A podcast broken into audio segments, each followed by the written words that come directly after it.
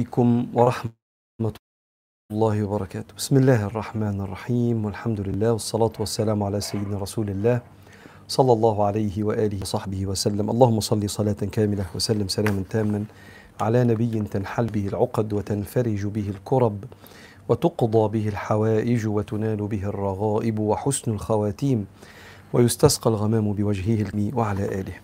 بسم الله والحمد لله والصلاة والسلام على سيدنا رسول الله. اللهم فرج عن أهل فلسطين اللهم انصر أهل فلسطين. اللهم إنهم ضعفاء فقوهم اللهم إنهم مغلوبون فانتصر. اللهم إنهم مغلوبون فانتصر اللهم إنهم مغلوبون فانتصر. اللهم تقبل شهداءهم عندك في أعلى منازل الشهداء. اللهم واشفي جرحاهم يا رب العالمين. العافية والستر. واقبل دعاءنا لهم يا الله الله يا الله. وانظرهم على عدوهم وعدونا يا مولانا. وبلادنا يا رب العالمين. صل اللهم وبارك على سيدنا محمد. والحمد لله. تعالوا يا جماعة بسم الله وإحنا كل مرة بنتقابل بناخد حكمة من حكم سيدنا تاج الدين أحمد بن عطاء الله السكندري رحمه الله ونفعنا الله بعلومه وعلومكم في الدارين. آمين. وكل مرة بنتفق على حكمة من الحكم أو ناخد أكتر من حكمة بنتفق إن الحكم العطائية ألفاظها صعبة وبتحتاج لشرح. وإن شرح الحكم العطائية بينقلها من ألفاظ صعبة لمعاني في العقيدة. تخلي البني آدم يتحرك في الدنيا وهو لا يرى إلا الله. هو الفاعل في هذا الكون. وإن الأمر أمر ربنا والعمل عمل ربنا. ويبدأ الإنسان من مجرد معرفته لقول النبي عليه الصلاة والسلام قدر الله وما شاء فعل على إنه قول لمعتقد. إن كل ما يحصل في الكون لا يخالف إرادة الله سبحانه وتعالى. قدر الله وما شاء فعل. وإن ما فيش الكون تخرج عن سلطان الله وهيمنة الله سبحانه وتعالى. فما شاء الله كان وما لم يشأ لم يكن. إن ربي على صراط مستقيم. ف ولما أنت بتروح في الحتة دي بعقيدتك وبقلبك بتطمن. بتشتغل قوي بتعمل اللي عليك قوي عقل بيفكر قوي وجسمك بيتعب قوي بس قلبك ساكن هادئ مطمئن. والطمأنينة دي هي اللي أنت بتتمنى إن ملك الموت ينده عليك في أواخر حياتك وهو بيقول لك يا أيتها النفس المطمئنة. كنت عايش مطمن لوعد ربنا مطمن لحماية وسند ربنا. كل ده بيجي وإحنا ماشيين مع بعض خطوة ورا خطوة في حكم ابن عطاء الله السكندري هقول لك النهاردة الحكمتين وبعدين نشرحهم مع بعض. قال رضي الله عنه ورحمه الله ونفعنا الله بعلومه وعلومكم في الدارين. آمين. ربما أطلعك على غير ملكوته. وحجب عنك الاستشراف على أسرار العباد. وقال من اطلع على أسرار العباد ولم يتخلق بالرحمة الإلهية كان اطلاعه فتنة عليه وسببا في جر الوبال إليه. واحدة واحدة. معنى الحكم إيه؟ أنت عايش دلوقتي في زمن بقينا نعرف أسرار بيوت بعض وبقينا نعرف معاصي بعض. إما نعرفها من كتر الكلام اللي في المجتمعات وبقى اللي بيحفظ السر قليل أو بنعرفها بإن صاحب المعصية بيجاهر بمعصيته وينشرها على الإنستجرام وصوره وهو بيعصي ويتكلم فيها وممكن يشجع عليها كمان. فبدأنا في الأزمنة اللي إحنا فيها نشوف أحوال بعض أحوال الطاعة وأحوال المعصية. أنا عارف أنت لبسك إيه وجزمتك إيه وساعتك إيه وبيتك إيه وعربيتك إيه من كتر الصور اللي بشوفها لك. وانت عني حاجات كتير من كتر الصور اللي بتشوفها لي. كأن بقى في تخمة معلومات عن تعرف عوراتنا الأخلاقية. العورات الأخلاقية هي التصرفات اللي فيها خيانة للقيم اللي انت بتطلع عليها. مين خان مراته مين خانت جوزها ومين لابسة لبس منفتح بطريقة لا تليق ومين حاطط ايده على كتف مين مش مراته ومين واقف بإزازة الخمرة مش عارف بيعمل إيه. ومين اتخانق مع شريكه وسرقه ومين ومين؟ طبيعي الخير إن شاء الله يبقى أكتر من الشر في الدنيا. عشان كده الدنيا موجودة. يمكن في أواخر الدنيا خالص لما تقوم القيامة يبقى الشر بيغلب الخير ثم تقوم القيامة على شرار الخلق زي ما النبي قال عليه الصلاة والسلام. بس إحنا الأصل في الدنيا دلوقتي الخير الخير فيه وفي أمتي إلى يوم القيامة. بس عادة البني آدم عقله بيلقط الشر وبيحفظ الشر وبيعلم معاه زي ما دايما بقول لك أنت لو شفت عمارة مبنية ودي حاجة حلوة قوي مش تاخد بالك لكن لو شفت عمارة واقعة هتاخد بالك وهتتكلم في الموضوع ده في القعدات بتاعتك. وبالمناسبة الكلام على عمارة واقعة شيق بالنسبة لشهوة الناس في المعرفة أكتر من الكلام عن البناء والعمارة المبنية وال... فطبيعه الناس كده. فابن عطاء الله بيقول لك لو اطلعت على أسرار العباد لازم يبقى عندك رحمة. وتعرف إن كل واحد عنده قصته مع الله. عشان كده ربنا هو اللي يحاسب الناس. لو اطلعت على, لو اطلعت على أسرار العباد وكنت حاكم عليهم وقاسي وقلبك بيعايرهم بالذنب ده يبقى اطلاعك ده فتنة عليك وسبب في جر الوبال إليه يعني إيه الوبال؟ من عير أخاه بذنب لم يمت حتى يفعله. والسخرية من ذنوب العباد والقرف سامحني في الكلمة والقرف من ذنوب العباد اللي بيحكم مش آه تمعر وجه المستنكر لأن البني آدم لما بيعرف غلطات بيزعل عشان ربنا مش مش بيزعل غضب وكراهية في الخلق. ربنا بيقول على أشد أهل الدنيا كفرا ونفاقا قال فإن وأقاموا الصلاة وآتوا الزكاة فإخوانكم في الدين.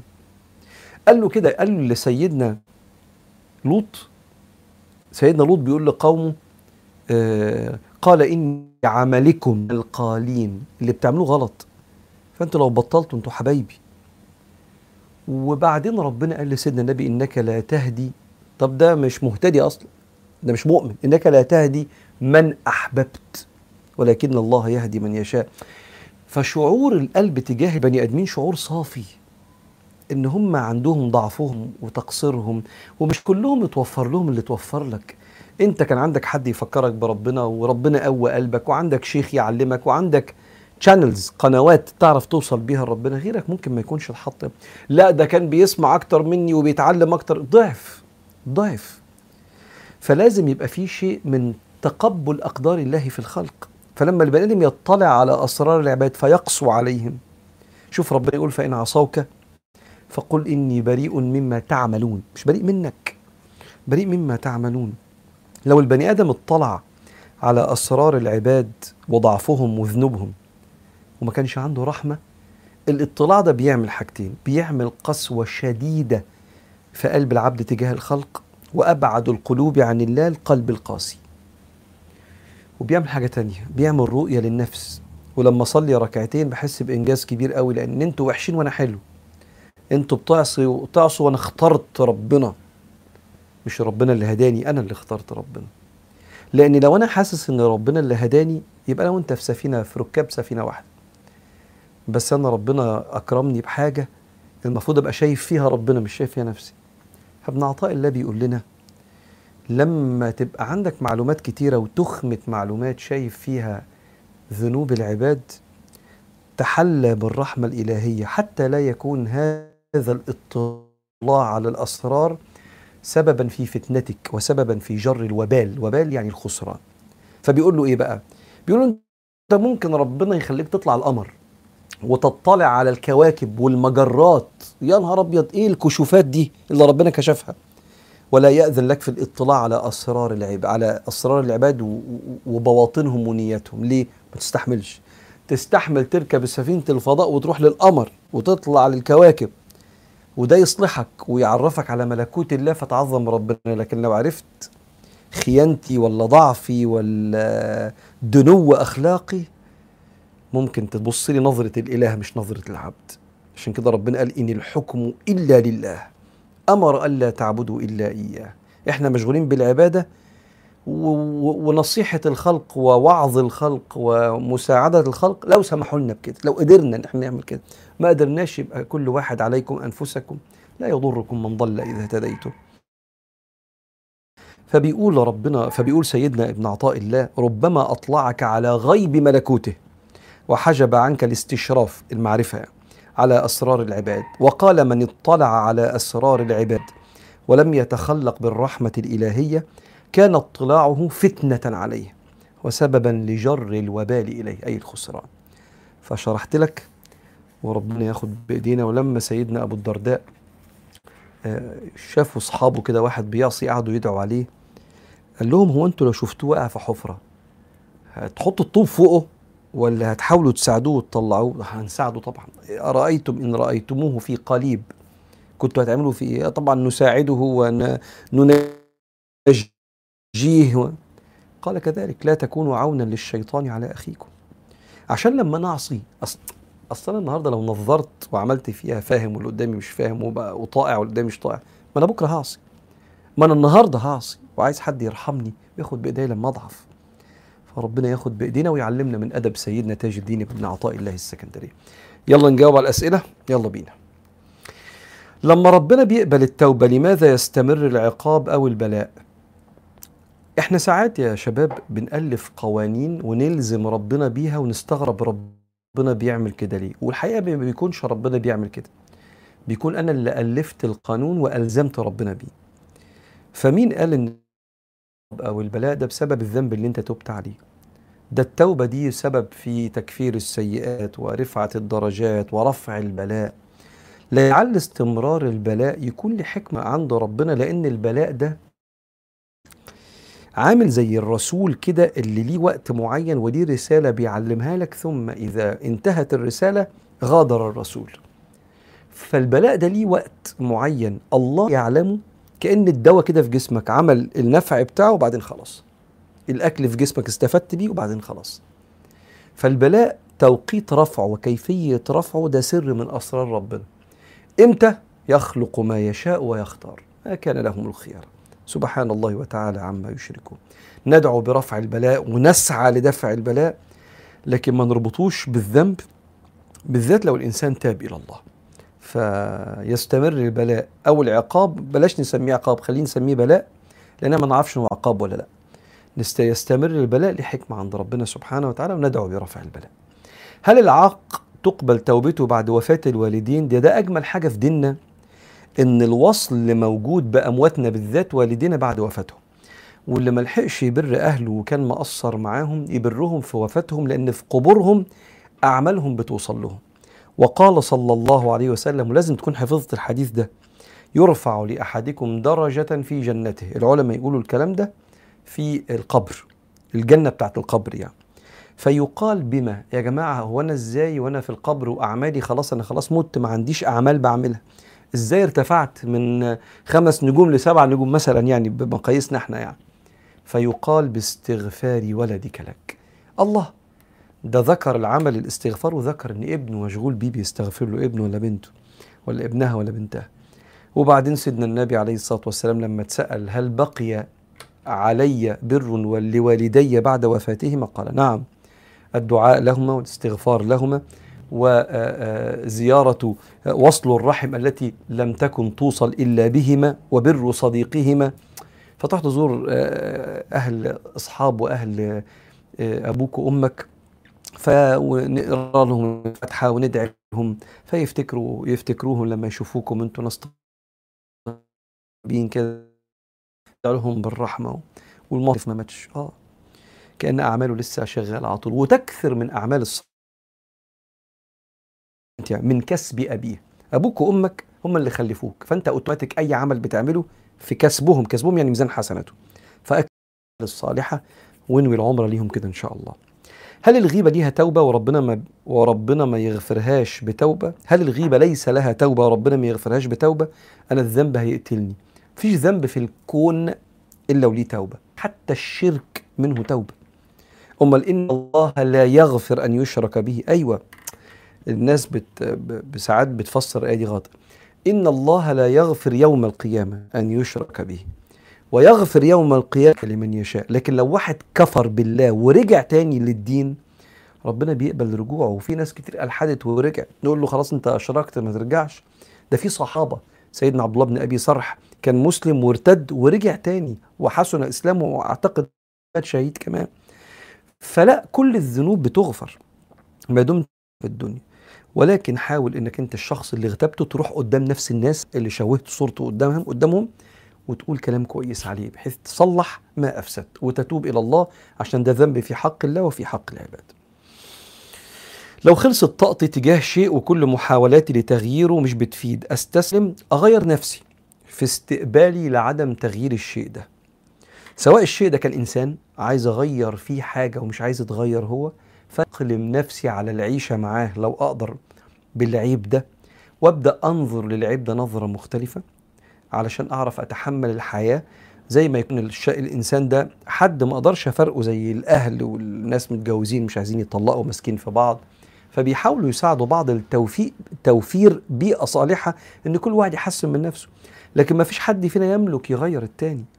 طب أعمل إيه؟ طب الفلوس مش عايزة تكتر وعمال أسعى. أولف نفسي على الرضا والاكتفاء بالمتاح على قد ما أقدر. طيب أنا نفسي أغير حاجة في المرض ومش عارف أشفى ولفيت على أطباء الدنيا وخدت كل الأدوية. أولف نفسي على الرضا بقضاء الله واختيار الله وأعيش بالمتاح من صحتي وأحافظ على نفسي وأحمي نفسي من تدهور حالتي أكتر. لكن الإنسان لو ما عرفش يغير واقعه يتغير هو في استقبال الواقع. وربنا ياخد بإيدينا. الخوف من الموت هل هو خوف من لقاء الله والحساب أم هو ضعف إيمان وما حل هذه المشكلة؟ الخوف من الموت هو خوف من الانتقال من المعلوم إلى المجهول. لأن البني آدم حاجة من الاثنين يا إما عنده رحلة في التعرف على الله فاستقر واطمأن لرحمة ربنا إن إحنا بعد ما نموت هيرحمنا إن شاء الله يا رب. الظن في ربنا. وعنده معلومات عن القبر إزاي انه حتة من الجنة إن شاء الله. لو الواحد كان بيحاول يرضي مولاه سبحانه وتعالى. وإذا كنا عايشين في رحمة واحدة ففي الآخرة والقبر أول ما نزل الآخرة هنعيش في 100 ضعف في 100 رحمة. بحديث النبي إن الله خلق الرحمة 100 جزء أنزل منها جزءا إلى الأرض يتراحم به الخلائق. فإذا كان يوم القيامة ضم الله تلك الرحمة لل 99 ثم نشرها على الخلق. فاحنا مش اللي هو إيه لما بنموت الموضوع بيضيق ده بيوسع مع الواسع سبحانه وتعالى. فلما معلوماتك عن الموت وعن ربنا بقى أهم اللي هيستقبلك لما تموت. فلما معلوماتك تبدأ تكتمل كده ويبقى عندك تعرف بتسكن. اللي معلوماته لسه ما اكتملتش فبالنسبة له الموت حفرة مظلمة لوحدي. دود هياكلني رب ممكن يبقى غضبان عليا إن أنا مقصر. فبيبقى يغلب على الموت القبض. قبض يعني الخوف وبنتقل من دنيا أنا بعرف وقت ما أتحرى أفتح التكييف ولا أفتح المروحة لما أزهق أتمشى في الشارع لما مش عارف إيه أعمل عندي إرادة لكن لما أموت ده أنا هبقى مسلوب الإرادة. آه بس أنت هتنتقل لأرحم الراحمين أصلا. فقلة المعلومات بتحسسك إنك بتنتقل من الضيق من السعه للضيق وهي العكس. إحنا بننتقل من الضيق للسعه لو شفت النبي عليه الصلاة والسلام في المنام وقال لي اجتهد والله معك مع العلم إني فتاة كيف أطبق هذه الوصية وأجتهد في ماذا؟ ربنا يتقبل منك. ما يعني ما تحكيش لناس كتير إنك شفت النبي عليه الصلاة والسلام. احتفظي بال, بال... بال يعني بالفضل الكبير ده لنفسك أو لحد مقرب تتكلمي معاه في حاجة زي كده من باب فضل الله سبحانه وتعالى. أبوكي شيخك حاجة زي كده. لكن جميل رؤية يعني جميل جميل إيه؟ ده أجمل حاجة في الدنيا والآخرة رؤية النبي عليه الصلاة والسلام. ولما يقول لك اجتهدي تبصي على ربنا مكلفك بإيه وتجتهدي فيه. فالنهاردة أنت لو طالبة هيبقى عندك عبادة ربنا برك لوالديكي مذاكرتك تجتهدي في ده. لو أنت أم عبادة ربنا برك لوالديكي إكرامك لجوزك تربيتك لعيالك. وشغلك لو بتشتغلي لو انت موظفة عباده ربنا برك لوالديكي اجتهادك في شغلك وهكذا. فزي ما حفظنا مع بعض وإحنا كل كل شوية بنكررها مقامك حيث أقامك. فشو ربنا أقامك فين واجتهد؟ فلو النبي وصاكي بده يبقى اجتهدي وربنا يوفقك إن شاء الله. ووصيكي بالاتزان في الاجتهاد ما بين تحافظي على صحتك تحافظي على علاقتك بربنا عباداتك تحافظي على علاقتك الاجتماعية وأخلاقك. تحافظي على شغلك أو مذاكرتك عشان يبقى عندك قدره إنك تكتسبي من حلال. الله. سارة بتقول لي أنا مش راضية عن تعاملي مع أهلي لأني بحكم طبيعتي عصبية. ممكن تقول لي إزاي أقدر أتحكم في العصبية دي خصوصا مع والدي ووالدتي؟ آه الشخص العصبي بيمارس عصبيته على اللي ضامنهم أو اللي مش فارقين معاه. صنفين من الناس العصبي بيمارس عصبيته معاهم مع اللي ضامنهم أو اللي مش فارقين معاه. فبيتخانق في الشارع مع ناس مش فارقة معاه. ونزلت من عربيتي واتخانقت وضربتك واتضربت. مش هشوفك تاني يعني. أو اللي ضامنهم مهما اتعصبت عليهم مش هيسيبوني. على رأس المضمونين اللي في البيت اللي بين الأربع حيطان. سواء كانوا بقى الزوج والعيال أو الزوجة والعيال أو الأب والأم. أو الأب والأم. وبالتالي يا سارة شيلي أبوك وأمك من أوضة الضمان اللي في عقلك. كأن في أوض كده فيها مديري ده مش ضمناه. ده أنا لو كشرت له ورفعت حاجبي كده وقلت له إيه في إيه بالطريقة بتاعتنا دي؟ هيقول لي ما فيش أي حاجة بس اتفضلي اديني ظهرك وتوكلي على الله ما أشوفكيش تاني في الشغل. فهفقد يعني رزقي وهفقد شغلي وهفقد مستقبلي. عندي معاني كتير خليها مديدة في أوضة الناس اللي أنا عايزة إيه أحافظ عليهم ما هو العقل ده عامل زي الأوض. شيل الأب والأم من الأوضة دي حطيهم في أوضة وقضى ربك ألا تعبدوا إلا إياه توحيد اتنين وبالوالدين إحسان. في أوضة أكبر الأبواب للدخول على الله.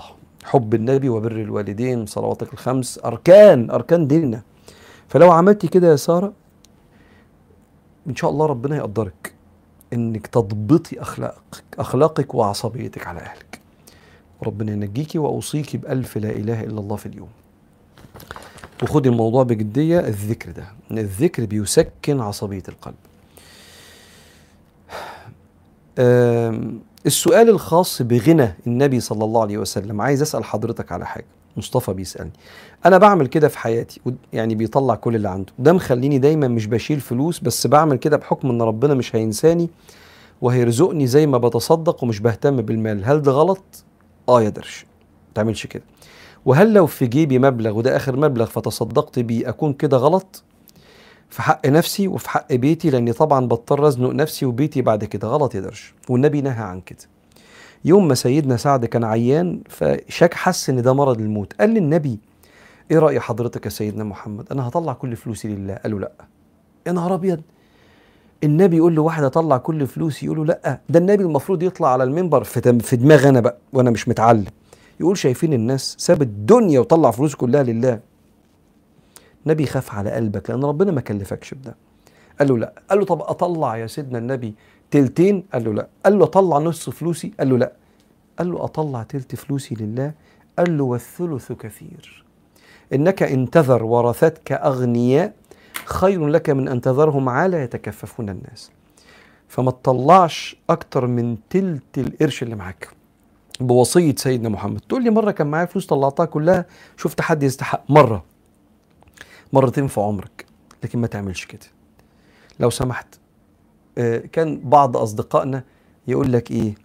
يقول لك مثلا وهم بيعملوا الشركة يقول لك إحنا هنبقى أربعة وبعدين الله خامسنا. فإحنا عندنا الأرباح هتتوزع على أربعة ولا على خمسة؟ على خمسة. فلو الأرباح مئة ألف جنيه عشرين ليك وعشرين ليك وعشرين ليك وعشرين ليك وعشرين لله. إيه ده؟ يقول لك طب هندخل ربنا سبحانه طب معلش الناس مصريين بيتكلم ممكن يبقى كلام في العقيدة مش مظبوط هندخل ربنا ونعمل يعني بس بقى بحكي لك انت فاهمني كويس يعني. هنخلي ربنا معانا يقصد يعني الصدقة يعني. الصدقة 10% عندنا شريك ب 10% اللي هو إيه؟ في سبيل الله. فتلاقي الشركة إيه؟ يوزعوا الأرباح و90% أرباح. طب وال10 التانيين بتوع ال 100% لا ما إحنا معانا شريك آخر وهو الصدقة لوجه الله سبحانه وتعالى. فاعمل كده يا درش. مرتبك اللي بتقبض طلع منه 5% طلع منه 10% لكن حوش يا درش. عشان لو أنت هتتجوز تبقى جاهز لما تلاقي البنت اللي فيها الصفات اللي بتحلم بيها.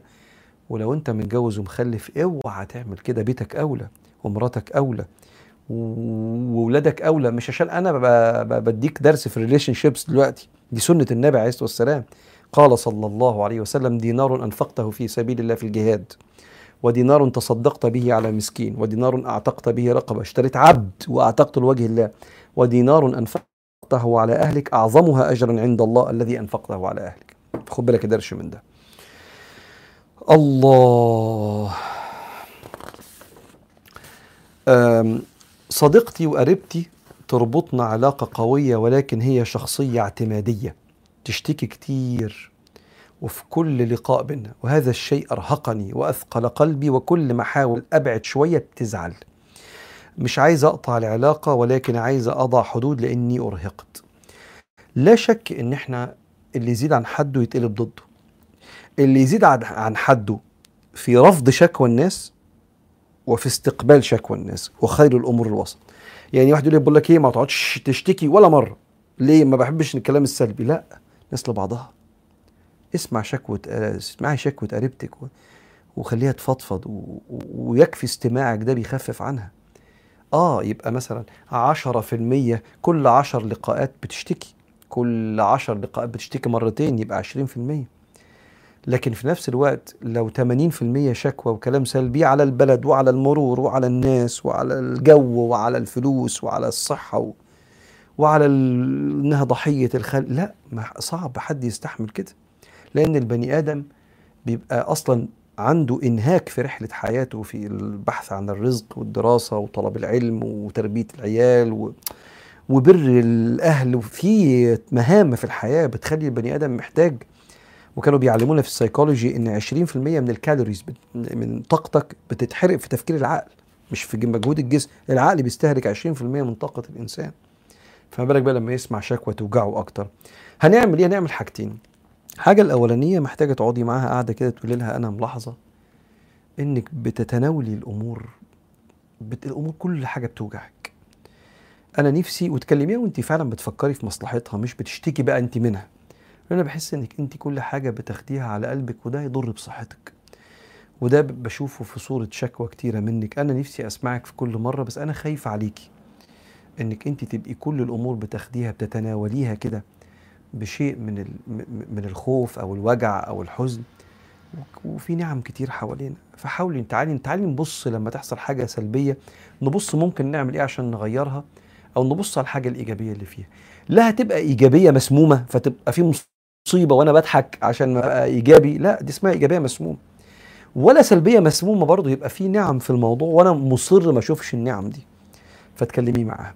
الحاجة التانية لو هي ما استجابتش بنقلل شوفنا للكرام اللي بي اللي بيرهقونا بالشكوى الكثيره ولو هي قالت لك انت ما بقيتيش بتظهري لي قول لها إن أنا مرهقة الفترة دي وأنت تناولك للأمور بيبقى شوية صعب إن أنا يعني أقدر أستحمل ده. وأنا كنت قلت لك قبل كده نفسي نفكر مع بعض إزاي نساعد بعض لما يكون في حاجة سلبية.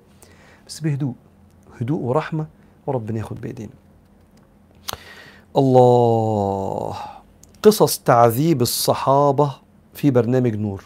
مش ربنا كان ممكن ينشر الإسلام من غير العذاب ده كله؟ ليه الصحابة أصلا اتعذبوا مع إن كلنا هندخل الجنة إن شاء الله؟ الرجال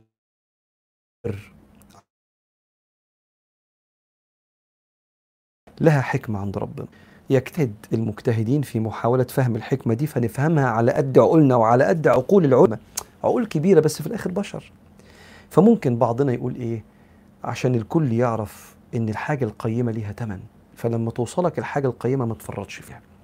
زي الأب اللي بيتعب ويدوق المر عشان يعمل ثروته ويجي ابنه يورثه فيصرف الثروة دي في شهر. تلاقي راكب العربية عمال يأمرك بيها ويجري بيها ويطلع بيها مش عارف إيه يا ابني العربية دي أبوك كان بيقعد يلمع فيها عشان كل قرش فيها بدم قلبه. أنت مالك مبهدلة كده؟ ما دفعش فيها حاجة. ربنا فخلف من بعدهم خلف ورثوا الكتاب. جالهم القرآن من ميراث جالهم الدين ما, ما تعبوش فيه. ورثوا الكتاب يأخذون عرض هذا الأدنى يشتروا الدنيا وسايبين قيمة الدين ويقولون سيغفر لنا. فخلف من بعدهم خلف ورثوا الكتاب يأخذون عرض هذا الأدنى ويقولون سيغفر لنا. فده حكمة طلعها البشر. حكمة تانية إن الإنسان بينمو نفسيا ويثقل ميزان حسناته. وتنضج شخصيته في الأيام الصعبة. وفي الأيام الحلوة السهلة بس بتتكون شخصيتك الصلبة في مقاومة الأحداث الصعبة. فلعل ده يكون في صحابة وتربية للأجيال الكبيرة. وعايز أقول لك على حاجة إن كل جيل ربنا اختاره كتافه قد المحنة اللي فيه. لأن لا يكلف الله نفسا إلا وسعها ولا يكلف الله نفسا إلا ما آتاها كما في الآية. فهم شالوا بطيب نفس وتعذبوا وهم صابرين. والحمد لله على نعمة الأمان اللي في بلادنا وديارنا وفي ديننا وكله في ميزان حسناتهم إن شاء الله. طيب ناخد آخر سؤال. بحب اخد سؤالين. ينفع للمرأة القراءة من المصحف بدون حجاب خاصة وهي تقرأ في بيتها؟ يعني ينفع الست تقرأ وهي شعرها باين؟ ال ال ال ال السؤال ده عند العلماء في باب هل يشترط ستر العورة عند قراءة القرآن؟ العلماء الأدلة اللي قروها لم يشترطوا ستر العورة عند آه، قراءة القرآن لأن أولا الست عورتها عند مقابلة الأجانب. يعني الجسم ما يستر كلمة عورة تحس كلمة ساعات بتضايق الناس بس هو يعني أقصد كلمة عورة يعني ما يستر. ما يستر عند لقاء الأجانب هو كل الجسد ما عدا الوجه والكفين على قول جمهور العلماء يعني. فهي آه، قاعدة لوحدها دي أول حاجة. ثانيا ستر العورة واجب في الصلاة وليس واجب في قراءة القرآن. فلو قاعدة بتقرأ وهي كشف شعرها جائز عند العلماء. وإن كان هناك كلمة جائز غير الأدب التأدب بقى إن الواحد يبقى ساتر عورته ومستقبل القبلة ومتوضي دي حاجة تانية دي مقامات عالية. بس كلمة هل يجوز؟ آه يجوز. إنها تقرأ وهي من شعرها باين. بحب شخص وبتحصل بينا تجاوزات جسدية. إحساس الذنب مش بيفارقني. بكل مرة بقول مش هعمل الذنب ده وبعمله مع العلم إننا بنشوف بعض كتير بحكم إننا قرايب ومع العلم برضو إننا لسه صغيرين للجواز. كل مرة بنوي إني أبطل الذنب ده وبرضه بعمله. حاسة إن ربنا مش هيسامحني أبدا. السؤال ده فيه ثلاث أربع مواضيع. الموضوع الأولاني ربنا خلق الرجالة والستات وأراد إن هو يمتعهم ببعض. دي إرادة ربنا. وقال إن المتعة دي لازم يحطها المسؤولية مش متعة فقط متعة مدفوعة الثمن من الكفالة والقيام بشؤون النص الطرف الثاني دي اسمها المسؤولية. فخلى المسؤولية مع العاطفة والقرب الجسدي اسمه الجواز. لأن الراجل والست ربنا خلقهم بينجذبوا لبعض عقليا ونفسيا وجسديا خلقة ربنا كده. أراد ربنا أنه يدينا جزء من متع الدنيا في هذا في هذين الجنسين مع بعض كده. فلما الراجل والست بيقربوا من بعض بيحصل حاجة في العقل اسمها الوايرنج في سلك كهرباء زي الضفيرة كده بيتخن. wiring بإيه؟ wiring ده إن أنا البنت دي أنتوا مثلا لما بتشوفوا بعض عندكم سلك كل شوية بيتخن إن القرب ممتع. فلما بتتكلموا ولما بتتقاربوا أكتر ولما بتحصل التجاوزات الجسدية فبقى الراجل ده بالنسبة لك أيتها يا بنتي الصادقة الباحثة عن الله لما بتشوفي الولد ده بتفتكري ذكريات حب وأعزكم الله ورعاكم وحفظكم وذكريات جنسية. ليه؟ عشان الضفيرة اتضفرت في العقل. أمال ليه هو انت مش بتسيبي نفسك للغريب؟ لا ما هو الغريب ده ما فيش بيني وبينه حاجة.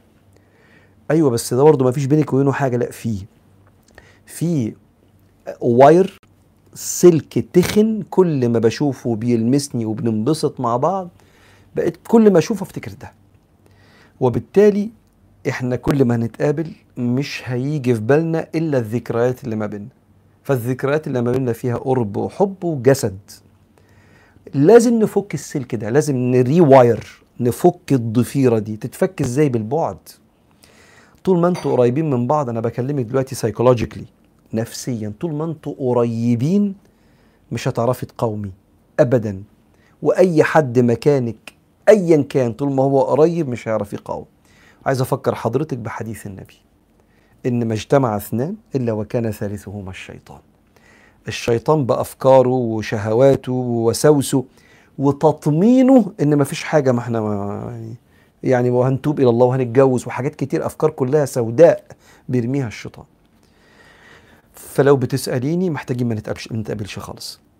لفترة كبيرة لغاية ما السلك ده الواير ده يتفك بحيث لما أشوفه أفتكر التوبة وأفتكر البعد عن الله وأكون عضلاتي قويت. دي أول حاجة. الحاجة التانية محتاجين نطلع صدقة. إن الحسنات يذهبن السيئات. منواظب على الصلوات الخمسة. زي ما نزل القرآن يوم واحد سأل النبي أنه قبل واحدة. فلما قبلها راح لسيدنا النبي فرب نزل القرآن أقم الصلاة طرفي النهار وزلفا من الليل إن الحسنات يذهبن السيئات ذلك ذكرى للذاكرين. قال له الكلام ده ليه لوحدي؟ قال النبي عليه الصلاة والسلام قال لا بل لأمتي كلهم جميعا. فواظبي على صلواتك تحصنك ابعدي ما تشوفيش الولد ده. رقم ثلاثة آه لا ربنا هيسامحك بل يبدل سيئاتك حسنات. بس كل ما هتتقابلوا هتضعفي مش عشان انت ضعيفة عشان هو إحنا كده. لازم نبعد ونفر من الايه من الأسد ده اللي هياكلنا. زي ما البني آدم عارف إن الأسد لو شافه هيتأذي لازم تبقى عارفة إنك انت لو شفت الشاب ده هتتأذي. وربنا يحميكي ولو هتبعتي الفيديو ده للشاب هقول له خليك قوي وراجل وخاف على قريبتك. اتق الله فيها. وابعد عنها وربنا ببركة بعدكم عن بعض هيجوزكم بس وقت ما يبقى مناسب إن شاء الله. ربنا يرفع عن أهل فلسطين وينصرهم على عدوهم وعدونا ويحمينا وينجينا يا رب. شكرا.